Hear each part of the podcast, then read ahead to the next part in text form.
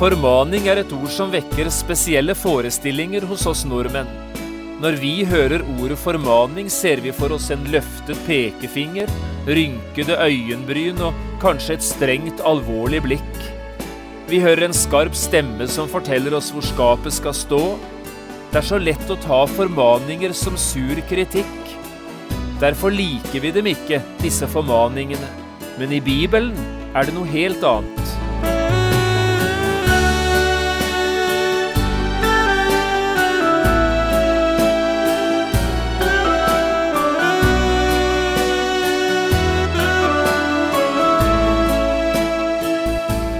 Hjertelig velkommen til et nytt program i serien Vindu mot livet. Programmet er produsert av Kristen Riksradio og blir ledet av Jon Hardang. Kristen Riksradio drives av frivillige gaver. Vi er glade for din støtte.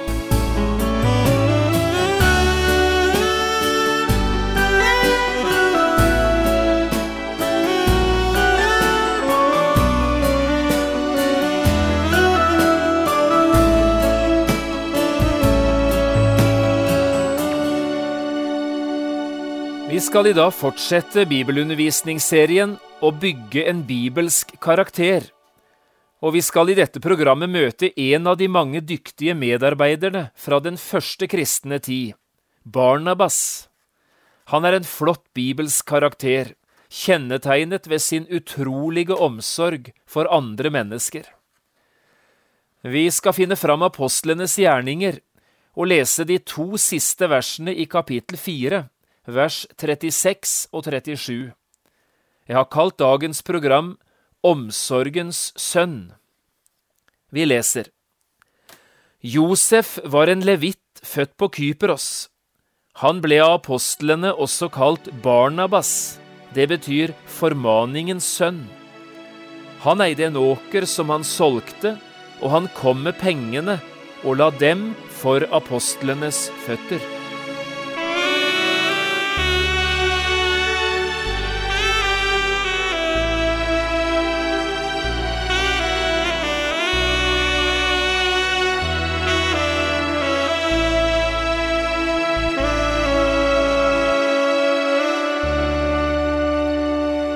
Jeg vet ikke hvor godt du kjenner maleren Adolf Tidemann og bildene hans, men du har sikkert sett bildet Haugianerne en eller annen gang.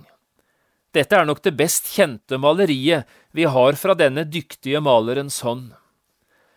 Bildet av haugianerne ble malt i 1848 og henger i dag på et kunstgalleri i Düsseldorf i Tyskland.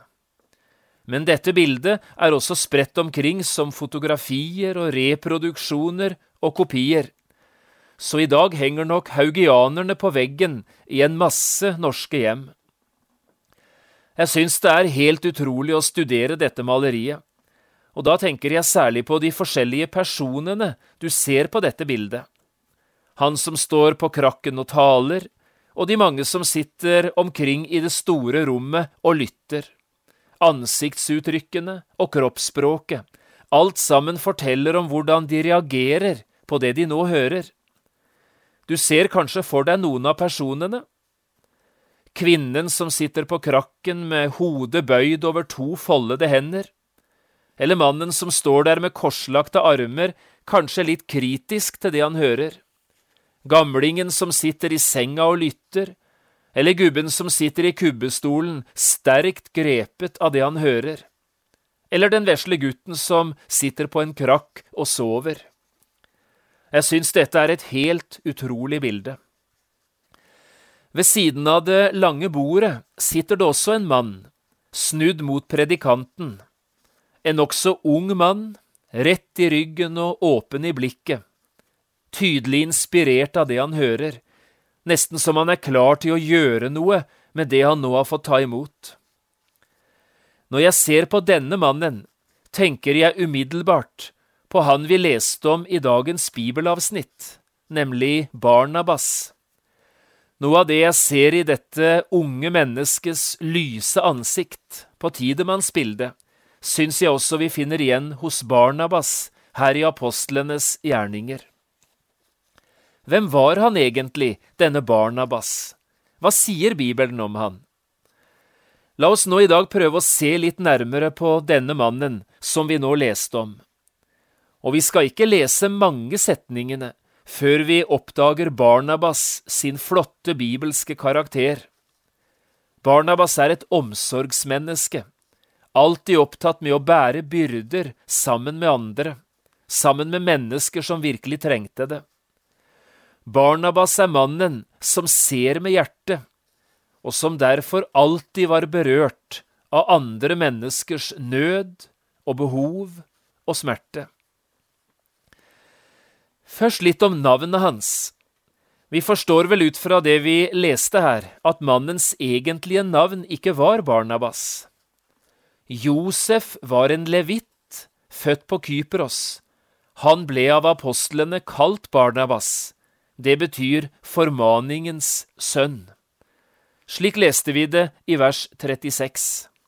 Josef var altså hans egentlige navn. Dette er egentlig et av de mest kjente og mest brukte jødiske guttenavn, som har en flott betydning. Navnet ligner et hebraisk ordspill og betyr Herren fortsetter eller Herren legger til. Josef var en som Herren stadig fikk bruke og velsigne, så han gjennom hele sitt liv skulle bli til hjelp for mange, mange mennesker. Men her, i det første kristne menighetsfellesskapet i Jerusalem, så gav apostlene denne mannen et nytt navn. Barnabas kalte de han. Og når de ga Josef nettopp dette navnet, var det fordi det var nettopp det han var. Det var nettopp fordi han gjorde akkurat det han gjorde. Barnabas. Dette navnet kan oversettes på flere måter. Formaningens sønn sto det her i vår bibeloversettelse. I en annen norsk oversettelse, også i den danske, står det Trøstens sønn. Og jeg har sett oversettelser som kaller han både Omsorgens sønn og Hjelpesønnen. Forskjellige oversettelser på det samme navnet. Men vi hører på hver enkelt variant at det er samme sak det dreier seg om hele veien. Her har vi å gjøre med en mann som har en utrolig evne til å se andres nød, en som ser med hjertet. Og et menneske som har den evnen å kunne se med hjertet, han er ikke i stand til å se på mennesker som lir, uten å gripe inn, uten å hjelpe eller tre støttende til. Barnabas er et slikt menneske som går skritt sammen med, som virkelig prøver å være til støtte og hjelp for andre som har bruk for det. Barnabas, formaningens sønn. Dette er altså Barnabas i et nøtteskall. Vi møter han ikke bare denne ene gangen i Bibelen, vi møter han ofte. Men aldri en gang møter vi han uten at han er engasjert i en oppgave der han prøver å hjelpe andre. Barnabas er en oppmuntrende og støttende medvandrer. Han er den som alltid rekker ut en hjelpende hånd, og som gjennom hele sitt liv praktiserte det som sitt valgspråk, bær hverandres byrder. Formaningens sønn stod altså i vår oversettelse. Formaning. Dette er nok et ord som lett vekker andre følelser og forestillinger hos oss nordmenn enn slik det er ment i Bibelen. Å formane er én ting for nordmenn, men noe helt annet i Bibelen. Når vi hører ordet formaning, ser vi for oss løftede pekefingre, rynkede øyenbryn og kanskje et strengt, alvorlig ansikt. Vi hører lyden av en skarp, streng stemme som vil fortelle oss hvor skapet skal stå. Det er nok derfor vi lett opplever formaning som sur, negativ kritikk. Og derfor liker vi det ofte ikke, dette med formaninger. Men i Bibelen er det noe helt annet. I Bibelen har formaningene ofte mye mer av oppmuntringen i seg. De lyder nesten som heiarop til den som er midt i livet, midt i løpet, og som kanskje opplever både tøffe og tunge tak underveis. Formaninger handler om å løfte og bære, Det handler om å advare i kjærlighet og oppmuntre til det som godt er. Navnet Barnabas betyr altså formaningens sønn. Dermed handler det ikke om et strengt, dømmende og alvorstungt menneske som alltid er ute med skjenneprekener og løftede pekefingre. Det møter du lite av hos Barnabas. Men han er det helt annerledes. Han er den som støtter og bærer, oppmuntrer og trøster, og som alltid går viktige skritt sammen med de som trenger det. Barnabas er et virkelig omsorgsmenneske i ordets beste forstand. Og nettopp slik er han et stort forbilde også for deg og meg som lever i dag, og som vil tjene Gud med vårt liv. Han er en lysende bibelsk karakter som har viktige ting å lære oss om omsorg og om hjertevarme. Litt om bakgrunnen hans. Barnabas var altså jøde, men han var ikke født i jødenes eget land. Han var født ute i Middelhavet, på øya Kypros. Kanskje hadde han flyttet til Jerusalem eller et annet sted inne på fastlandet, eller kanskje var han bare på besøk i Jerusalem da han kom i kontakt med de første kristne og den første kristne menighet.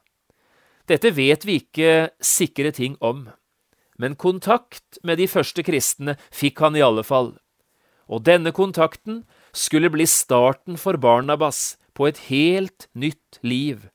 Han begynte et løp som skulle vare helt til dødsdagen kom. Og så var han levitt, sto det her. Det betyr at han hørte til Levis stamme, prestestammen. Den stammen hadde gjennom mange hundre år hatt ansvaret for tjenesten i tabernakelet og senere i tempelet.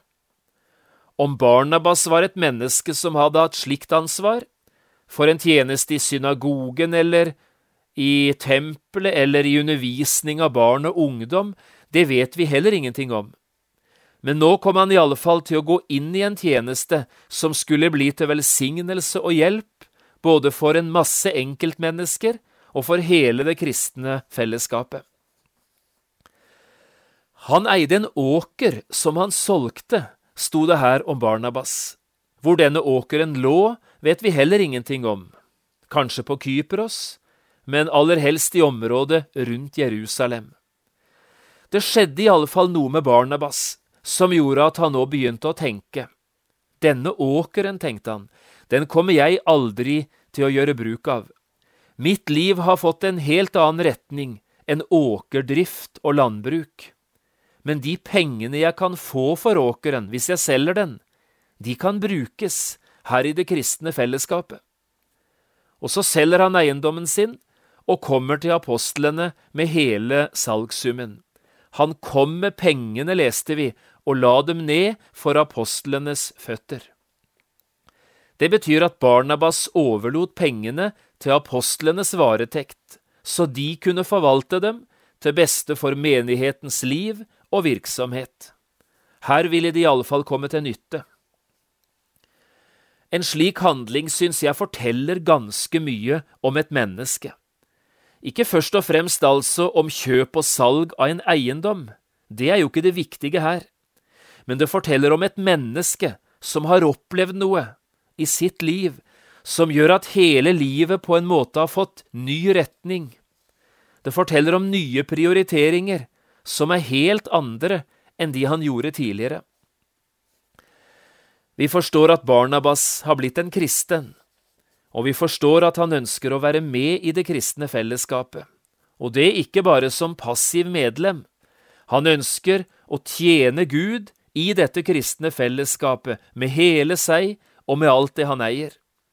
Derfor gjør han nå det han gjør, også med sin egen eiendom. Når ble Barnabas en kristen? Det vet vi heller ikke. Kanskje skjedde det på pinsedag? Hvordan det gikk til at han fikk møte Jesus, det har vi ikke peiling om. Det eneste vi vet, er at Barnabas hadde møtt Jesus og at dette møtet med Jesus hadde satt dype spor i mannens liv. Kinamisjonæren Asbjørn Aavik skrev en gang en bok som han kalte Min gjengave.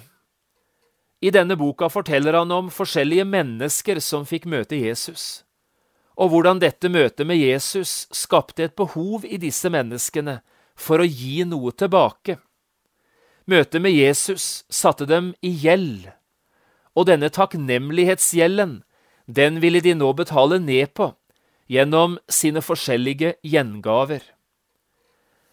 Og så leser vi om forskjellige slike personer fra Bibelen i Asbjørn Aaviks bok, der møtet med Jesus fikk nettopp slike virkninger.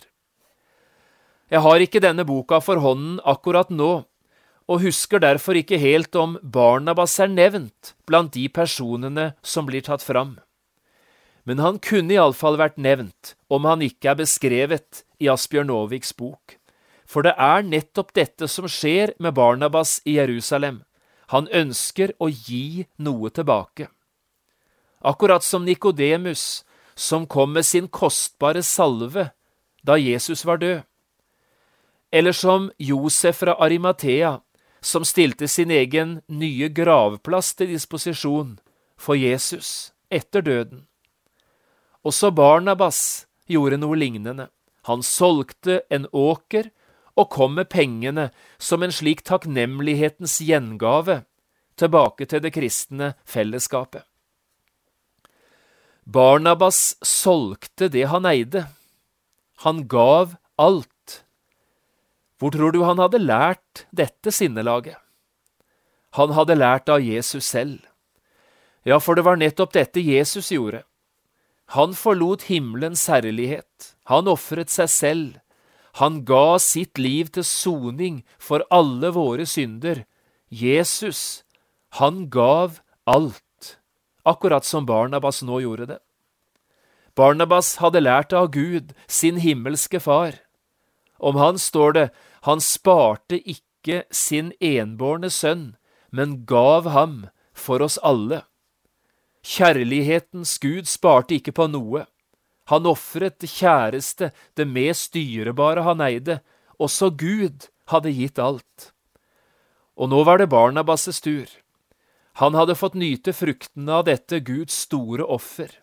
Han hadde selv, helt ufortjent, fått tatt imot et fullført frelsesverk, syndernes forlatelse og et evig liv, og alt sammen, det var helt gratis.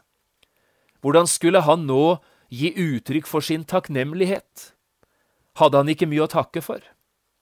Barnabas svar ble dette. Jeg vil gi Jesus hele mitt liv, med alt det jeg er og alt det jeg har. Jeg vil høre Herren til og leve hele mitt liv til Hans ære, og stille meg til Hans disposisjon, som ga livet også for meg. Herre, her er jeg, send meg. Jesus fortalte en gang en lignelse om sin far. Atter er himlenes rike likt en kjøpmann som søkte etter vakre perler. Da han så fant én meget verdifull perle, gikk han bort og solgte alt han eide, og kjøpte perlen. Denne lignelsen forteller oss kanskje det viktigste om Gud. Hans største ønske er å frelse syndere, samle vakre perler, dyrebare menneskebarn, i sitt hus i himmelen. Men denne redningsaksjonen, den kostet Gud dyrt. Han solgte alt han eide, han gav alt. Han måtte sende sin eneste sønn i døden for å søke å frelse det som var fortapt. Det er dette Barnabas har fått se og det er dette som er utgangspunktet for all kristen virksomhet, all evangelisering og alt vekkelsesarbeid, for misjon, diakoni, nødhjelp og omsorgstjeneste. Gud har gitt oss alt. Derfor vil vi gjerne gi noe tilbake til Han. Det er denne måten å tenke om livet på som slår ut i full blomst i Barnabas sitt liv. La oss nå mot slutten av dette programmet kaste et lite blikk på det livet Barnabas så fikk leve, og se om ikke vi her kan lære noe om hva som kjennetegner denne fine bibelske karakteren. Barnabas er hele sitt liv opptatt med det å være til hjelp for andre. Alltid er han opptatt med å bære byrder sammen med. Og på denne måten er han et flott og et konkret forbilde for oss, et konkret eksempel til etterfølgelse. Nå skal du få fem konkrete situasjoner, i stikkordsform. Fem ulike situasjoner der Barnabas viser oss sin evne til å se med hjertet. Først gikk han viktige skritt sammen med den nyfrelste Paulus, som hadde store problemer med å bli akseptert i den kristne menigheten i Jerusalem. Og Barnabas berget Paulus på denne måten for det kristne fellesskapet. Det er det første. Så sto han sammen med Paulus og med de mange nye kristne i Antiokia etter den store vekkelsen som gikk over denne byen i den første kristne tid. Barnabas sto på i dette vekkelsesarbeidet i mellom ett og to år. Det er det andre. Så gikk han aktivt inn i det nødhjelpsarbeidet, inn i den innsamlingsaksjonen som ble satt igjen for å hjelpe menigheten i Jerusalem gjennom den store hungersnøden som Agabus, profeten, hadde varslet. Barnabas blir nødhjelpsarbeideren. Det er det tredje. Så er Barnabas den som, sammen med Paulus, reiser ut på den første organiserte misjonsreisen, og er med og bringer evangeliet til nye folkeslag og nye menneskegrupper. Dermed er Barnabas en av de store pionermisjonærene i Det nye testamentet. Det er det fjerde. Og så endelig tar Barnabas seg av en ung, løfterik medarbeider som det skar seg for da han var ute på sin første reise med evangeliet, Johannes Markus. Han gikk skikkelig i grøfta og hadde bruk for en hel del ekstrarunder og mye etterarbeid. Og det var Barnabas som tok seg av denne unge medarbeideren med stor tålmodighet og stor dyktighet. Det er det femte. Og slik kunne vi sikkert bare ha fortsatt, men dette er altså Barnabas i et nøtteskall. Alltid opptatt med å ta seg av andre. Alltid opptatt med å bære byrder sammen med noen. For en flott bibelsk karakter denne Barnabas er. Først gir han seg selv til Herren med alt det han er og alt det han har. Siden består hans liv av én eneste ting å være en omsorgsfull og god medarbeider, ikke minst for mennesker som har problemer med å takle livet på egen hånd. Kunne ikke også du prøve å være en slik Barnabas, en omsorgens sønn, i ditt nærmiljø?